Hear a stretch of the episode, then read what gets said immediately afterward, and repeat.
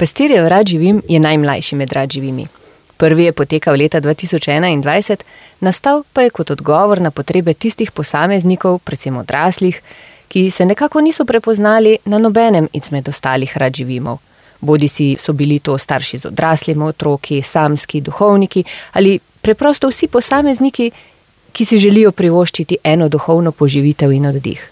Odprt je prav za vse, tudi za družine, starejše, otroke. Poteka vsako leto konec maja na slovenski obali. Prav tako kot ostali rad živimi, je tudi pastirjev rad živim v znamenju druženja, molitve, sprejetosti in povezovanja v eno veliko skupnost. Tisto, v kateri nam je vsem skupna hoja za Kristusom ter veselje nad življenjem. Ja, vsem tegobam in izzivom vsak dan na vkljub, ki jih doživlja prav vsak izmed nas. Kako bi odgovoril, če te nekdo vpraša, ali si srečen? Kako bi odgovoril, če bi te kdo vprašal, ali rad živiš? No, za mnoge se zadrega razvini v trenutku, saj so na lastni koži doživeli, rad živim. Živim, živiš ti, živim vsak dan, znova in znova.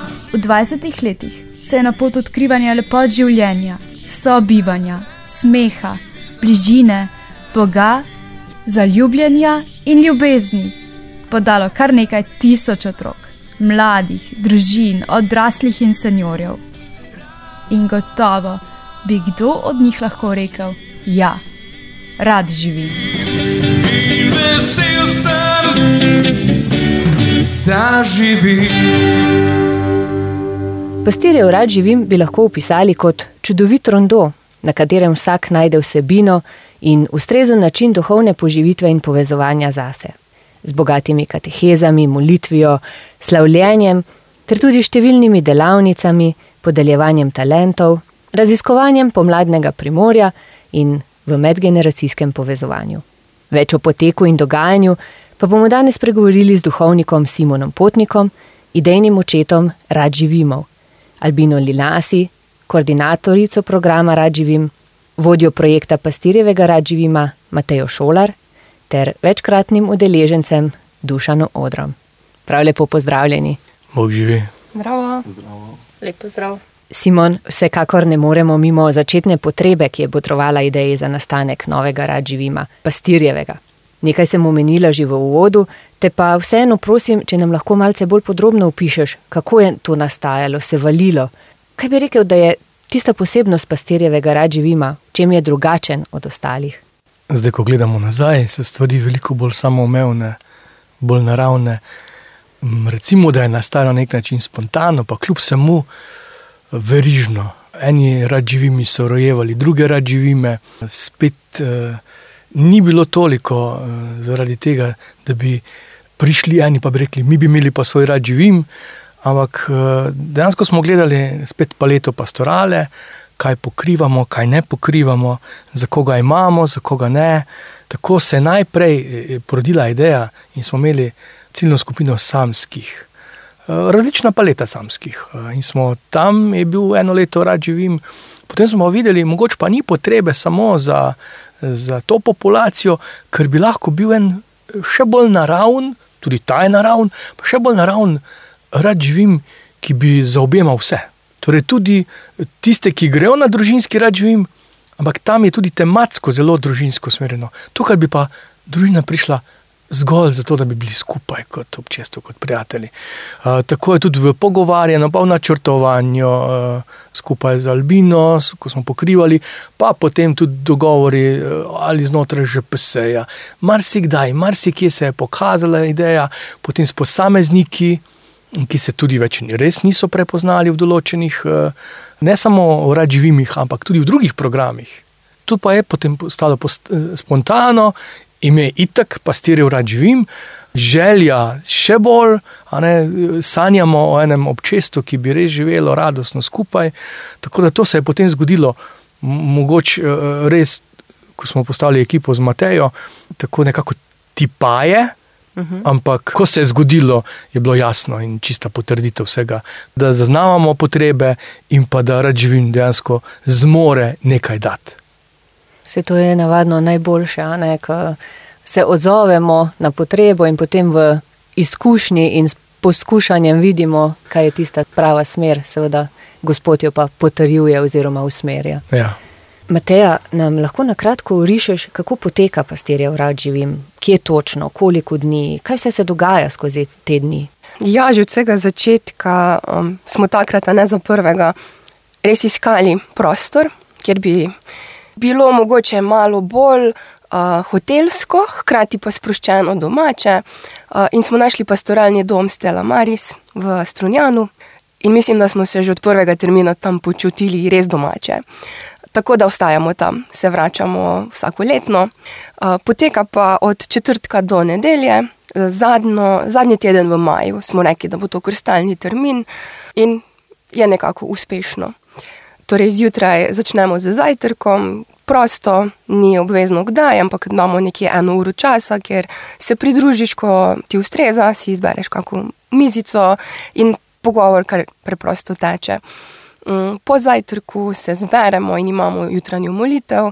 To pripravljajo udeleženci sami, nekako vedno razdelimo med njih, da so oblikujejo naš eh, rad živim. Po molitvi pa ima nekako Simon svoje punkto, duhovni nagovor, in potem vedno pustiva kar nekaj prostega časa, da se lahko stvar usede, da lahko tudi malo premišljuješ, ali pa ne na zadnje greš na sprehod ali se kopati, pač prosti čas. Potem pa imamo pred kosilom mašo, uh, spet skupno sooblikovanje, naše petje, da si res naredimo tako domače, da nam je blizu. Kosilo pa je tak skupen element, kjer res vsi skupaj gremo in se mi zdi, tu prijedi se itak dogajajo najbolj ti prosti pogovori, povezovanje, uh, skupne fore, tako da je res uh, pestro. Po kosilu pa je prosti čas, počitek in pa uh, ob treh kavicah, kdo želi, ne obvezno, potem pa kakšna aktivnost. Sliši se res sproščeno in tako, da si lahko vsak naredi ta rad živim po svoji meri. Ja, zagotovo um, odgovarja na potrebe tega, kar potrebuješ. Jaz zdaj v treh letih lahko rečem, da je bilo vsako leto zelo drugače. In vsako leto sem si vzela to, kar sem potrebovala. Ali je bilo to druženje, pa aktivnosti, ali je bil pa to obilo počitka. Tako da ni bilo nikoli problematično. Uh, je pa res, želimo si, da vsak najde svoje mesto, da se vsak počuti sprejetega. Tako da lahko kot vodja rečem, da kar malo bdim nad skupinico, pa opazujem, če bi kdo mogoče kje izvisel. Ampak ne v smislu, da nekdo želi odmik, pa potrebuje to. Torej, nekako čuteče poskušam slediti skupini in povezovati, pa spodbujati koga, ki mogoče nima tako močnih socialnih uh, veščin. Ampak mislim, da do sedaj ni bilo to problematično, se kar organsko nekako zgodi. Kako velika pa je skupina udeležencev navadno? Uh, vedno je bilo zelo drugače. Začeli smo z nekje 15, vse skupaj tudi z voditelji. Potem nas je bilo kar krepko čez 40, letos pa nekje 35, tako da se tu nekje giba. Lepo raste, lepo raste. Ja. Me prav zanima, koliko pa naslednje leto. Zdaj sem preverila kapacitet v domu je 60, tako da imamo še prostora. Super, neki rezerve je. Ja, ja. Potem pa naslednji termini, a ne? tako, tako, kar pogumno. Ena izmed stalnic uh, v teh preteklih letih je tudi postal en tak pohod po okolici. Um, nam lahko poveš, kam in seveda, kaj na njem tako posebnega. Seveda bomo veseli tudi kakšne konkretne prigode iz te poti. Ja, ti pohodi so res um, nastali čisto spontano, začutili smo, da bi radi šli na pot. Torej, prvo leto uh, smo se tako odpravili do Porto Roža na sladoled uh, in ena izmed udeleženk, uh, ki mogoče ni tako zelo vajena hoditi, je pravila, da je to primorska transverzala, kamor smo se podali. Seveda na drugi strani pa en drugi udeleženec, ki pa je bolj vešč tega, ki se ne ustraši izzivov, je vodil pot, uh, na kar smo se kar naenkrat znašli ob glavni cesti, hodili na okever. Uh, kar precej prometno je bilo. Spomnim se, da smo prečkali tudi krožno, ker pač takrat v tisti situaciji ni bilo neke pešpoti. Čeprav verjetno bi se dalo obrati drugo pot, ki bi bila malo bolj varna, pa malo bolj ravna. Ja, se mi zdi, da ta pot ni samo pot do točke B, ampak je vse več kot to povezovanje, druženje. Spodbujanje in ne nazadnje tudi eh, premagovanje. Ne vem, svojih eh, skrbi ali pa predsotkov. Ne? Nekateri udeleženci si niso nikoli mislili, da bodo takšno pot opravili. Kako bi nekako, če bi mogla povzeti s par besedami, kako bi opisala karakter uh, pastirjevega rad živima? Karakter bi opisala kot precej medgeneracijski, takšen, ki povezuje mlade in starejše, se mi zdi res vse. Torej, ne izločuje nikogar, uh, trudi se sprejemati vsakogar in tudi osebno to doživljam, da vsak najde svoje mesto. Si to želim vsako leto, ampak do sedaj se mi zdi, da je tudi vedno tako bilo. Simon, duhovni del programa snuješ ti. Kako zasnuješ vsebine pri pastirjevem radživimu, za katerega bi lahko res rekli, da je eden najbolj raznolikih radživimov z najbolj pestrem naborom udeležencev? Ja, to je zanimivo, to, kar je Mateja povedala. Ravno to vzbuja tudi eno negotovost pri meni, pri pripravah. Tudi zdaj, ko že vemo, kaj ta radživim je, še vedno je vsako leto malo drugače, že zaradi nas udeležencev. Nikoli ne vemo točno, kdo pride. In tudi mi, ki pridemo, smo v drugem letu že malo drugačni, v drugih situacijah, v drugih življenjskih pričakovanjih in dogajanjih. Tako da bom rekel, da kar z eno negotovostjo se pripravljam, z enim takim strahom, spoštovanjem, hkrati pa imam eno zaledje, namreč radživimovsko. Uh, sledimo rdečim nitim radživima, v duhu predhodnih radživimov, močnih katehes, ki so bile tisto leto že podane na drugih radživimih, tako da ne izumljamo neke tople vode ali pa enega dodatnega morja ob morju. Tako da ni tako bav, bav, eh, zahvaljujoč vsem predhodnim radživimom. Tako da to je, same kateheze so pa moč radživima. Ne? Potem pa vsa duhovnost, ki je upeta, kot sem pripovedal. Ravno pri tem radživimu je pa zanimivo, da je možnost izbire duhovnosti zelo, torej metode, zelo, zelo široka. Pri otrocih si malo bolj omejen. Ampak, kot smo prej omenili, ne, Ja. dovolj prostega časa, tudi na voljo in dovolj vsebin. Tako in tudi tako smo raznoliki, tako da se pojavi potem potreba po- za duhovni pogovor, potreba po spovedi, ali pa zgolj po puščavi, tišini, po pogovoru v majhnih skupinah. To so tudi oni mislijo, da hodi na eh, fitness sprehode, v bistvu hodi na duhovne pogovore. s tem. Vzrok so kateheze, ki potem razburijo duha, Eh, sladoled je samo farsa, ne, tako ena zunanja motivacija. Dejansko se po poti, a ne, drugo leto gre v Koper, še, še ne vem, se. Eh, Ampak ja, po poti se potem res eh, eh, se da povedati, se da eh, eh, poslušati, se da razmišljati do čisto osebnega dela, so da svete maše. Tako da na- načinov je zelo veliko, ki se jih poslužujemo. Tudi na koncu koncev, tudi ta občestvena dinamika, recimo skriti prijatelji in podobno. To je tudi pristopamo z malo drugačnega vidika, kakor pa če, če delamo to z mladimi ali pa z otroci. Ne? Kaj je to skriti prijatelj? Uf, boste udeleženca kaj več povedala. Eh, Skriti prijatelj je ena igra, ki si jo igramo na več radživimih, ali pa tudi na romanjih, ali pa še kje. Fora je pa v tem, da vlečeš listek nekoga, on ne ve, da si ti njegov prijatelj, zato se imenuje skriti. In ga razvajaš, ali z bližino, pogovorom, s kakimi mini eh, darilci. Skratka, namenjen je temu še dodatnemu, takemu prikupnemu povezovanju. Je pa res, da čist vsako leto nekaj ne štima. Pa tako vsi poznamo že to igro, ali pa vedno eh, kak listek svali, ali pa kdo koga. Skratka, da je zabavno, tudi čist tehnično. Uh, ne, jaz podelim, recimo letos. Jaz sem bila prepričana, kako moj skriti prijatelj moli za mene. Ker pač ni bilo nobenega sporočilca, nobene pozornosti, zihar je Simon pa ful moli za mene. In na kar pač tako je rekla Albina, vedno gre kaj narobe, ugotovimo, da pač uh, tista, ki je uh, izvajala to igro, je pozabila pač dodati še moje ime med vse. Tako da na koncu so bili vsi moji skriti prijatelji. Albina, ti vstopaš v rad živime po eni strani kot koordinatorica, po drugi kot del organizacijske ekipe, pa tudi kot udeleženka. Kolikor mi je znano, si tudi med zvestimi udeleženci pastirjevega rad živima. Ne? Nam lahko zaupaš nekaj svojih vtisov na ta rad živim, kako se tebe dotakne, kaj te navdušuje in seveda, kaj te spodbudi, da se ga vsako leto znova udeležiš. Torej, ja, če sem že nekako eh, koordinatorica Radživimov, se spodobi, ja, da, da sem nekje eh, zraven, tako malo za šalo, malo pa za res.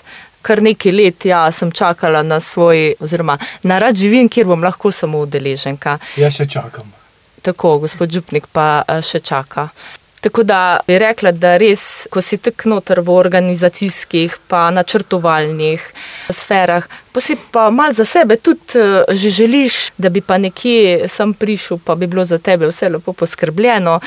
No, in eh, se je zgodilo tako, da sem eh, zelo hvaležna, ker res pravzaprav odgovarja. Pa tudi tako malo smo tipali, a ne zato s tistim prvim letom. In pol ugotovili, da, da smo lahko bolj odprti, da smo lahko bolj široki in nekako se mi zdi tako naravn. To, kar občestva so, se pravi, ali pa crkva je, pa leta od rojstva do, do starosti.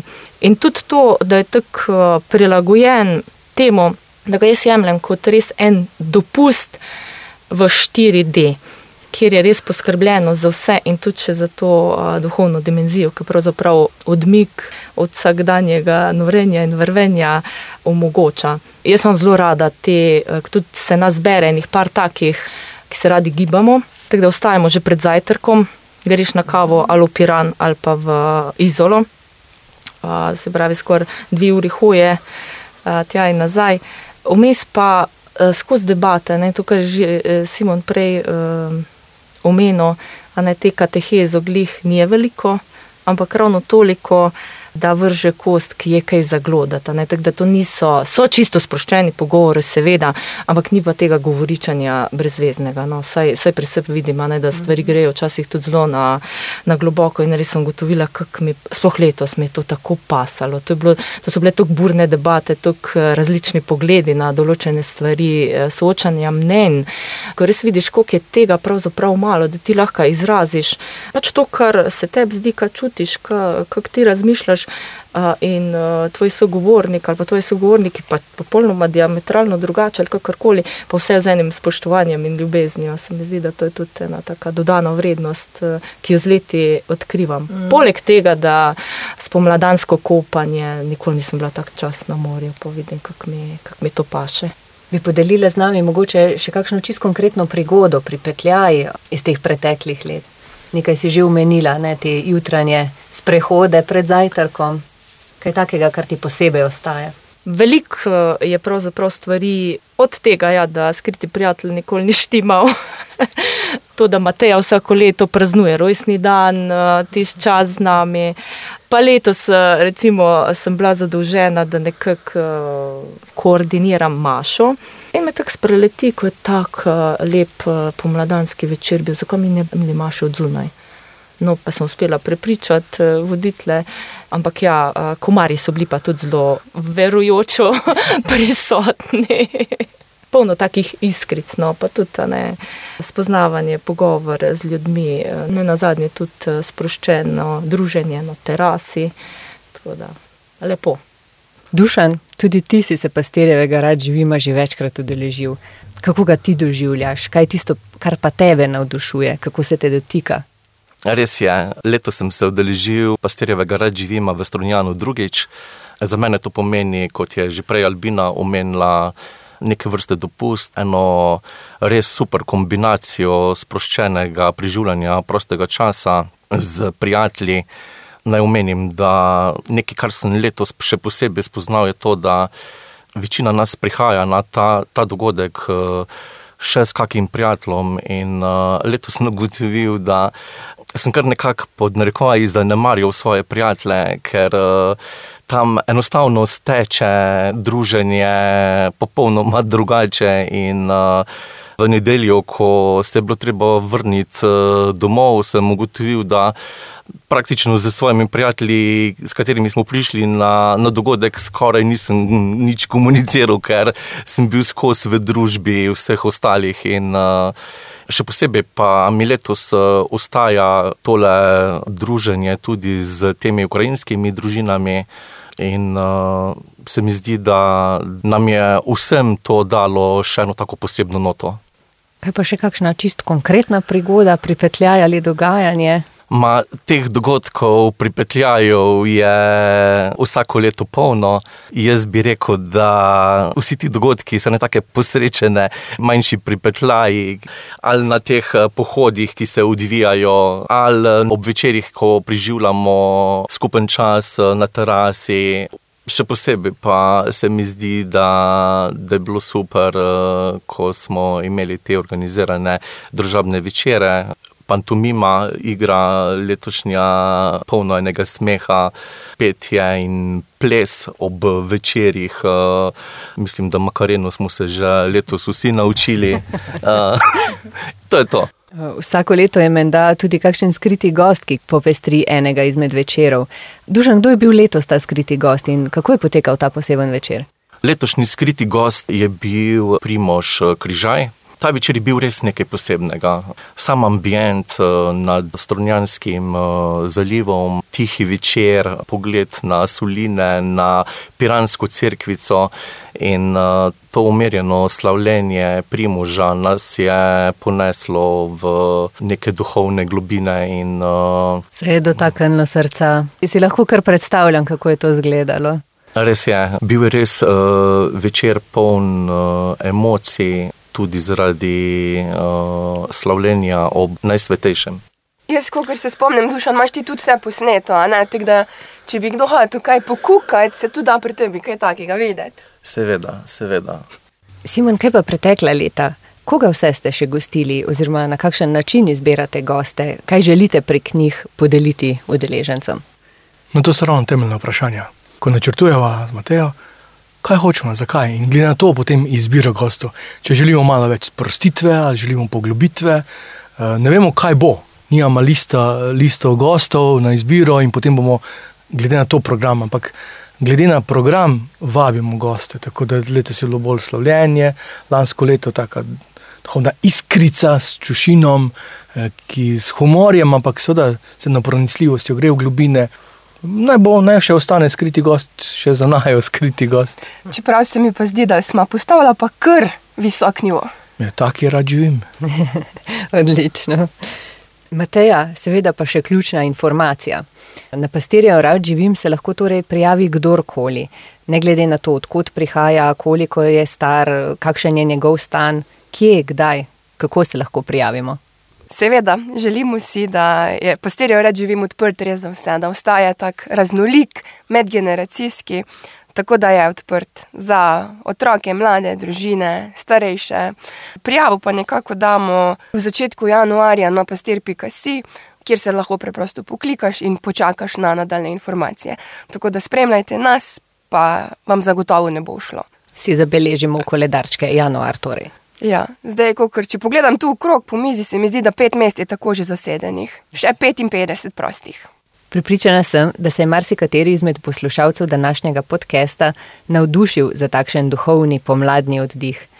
Kar zabeležite v svoje koledarčke, da se boste v pravem času prijavili. Ob zaključku tega prijetnega pogovora pa vse zbrane v studio vabim, da z nami podelite še kakšno sklepno misel, morda občutenje ali pa povabilo, ki vas v povezavi s pastirjem in rad živimom nagovarja. Si želite morja dobre družbe, potem zagotovo morate naslednje leto na Rad živim v Strunjan. Mene pastirjev red živim vsako leto res preseneti. Če se spomnim prvega leta, ko je bil še poskus pastirjega red živima za samske, ko pet dni pred odhodom nisem bila več samska, me zanima, kaj bo prihodnje leto. Mene pa to, recimo, jaz sam nimam nekih posebnih želja, da bi hodil na morje na dopust. Ampak eh, zanimivo mi je, da me vsak rad živi me očara za svojo okolico in tudi tam mi približa morje na drugačen način, strunjan mi postaja. Nisem tisti pohodnik, ampak mi vseeno ti razgledi in te vonjave me očarajo in tudi ta rad živim posvoji, se popolnoma znajde v tistem okolju. In tako da z veseljem uh, grem tja, tudi tam najdem neko mesto med, med prijatelji. Pa tako, še enkrat ponavljam, med to naravo me očara. Morje spomladi je res uh, čudovito, zeleno, barvito, odmiki z dobro duhovno vsebino, prijetno družbo, zabavno, nenaporno. Skratka, vse to je pastirjev rad živim in ga res privoščim vsakomor. Sam naj vas pa ne preseneti, morje je tudi mrzlo, čeprav tekla pogovorijo o tem. Ampak kot smo se naučili skozi vse ostale rad živime, stvar je v izkušnji, da sam poskusiš. Tako da, dajte poskusiti. Najlepša hvala vsem današnjim gostom. Vse vas, poslušalce, pa vabim, da nam prisluhnete tudi v prihodnjih tedenskih epizodah. Naslednjič vam bomo predstavili pobudo Radi bi živeli, v središču katere je pomoč misijonom, ki nas bogati, ko se učimo preprostega veselja in pristnega zaupanja Bogu. Kot to znajo v Bogi. Vas zanima, kam vse so se odpravili posamezniki iz naše skupnosti pastir.si ter na kakšne načine vse kot skupnost skušamo pomagati? Prisluhnite.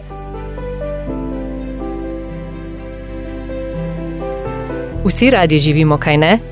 Ne glede na okoliščine, v katerih smo, imamo vedno kaj praznovati. To, da smo živi, da smo del Jezusove družine in nikoli sami na tej poti življenja. Tako te vabimo in vse tvoje drage, da se nam pridružite na letošnjem radživimovanju in sicer v soboto, 23. septembra, na slavilnem večeru, ter v nedeljo, 24. septembra, na slavnostni sveti Maši v Starem trgu v Slovengradcu. Povezani v skupnosti, v veliki Jezusovi družini, bomo praznovali veselje, naša srečevanja ter slehrno življenje. Dobrodošli vsi!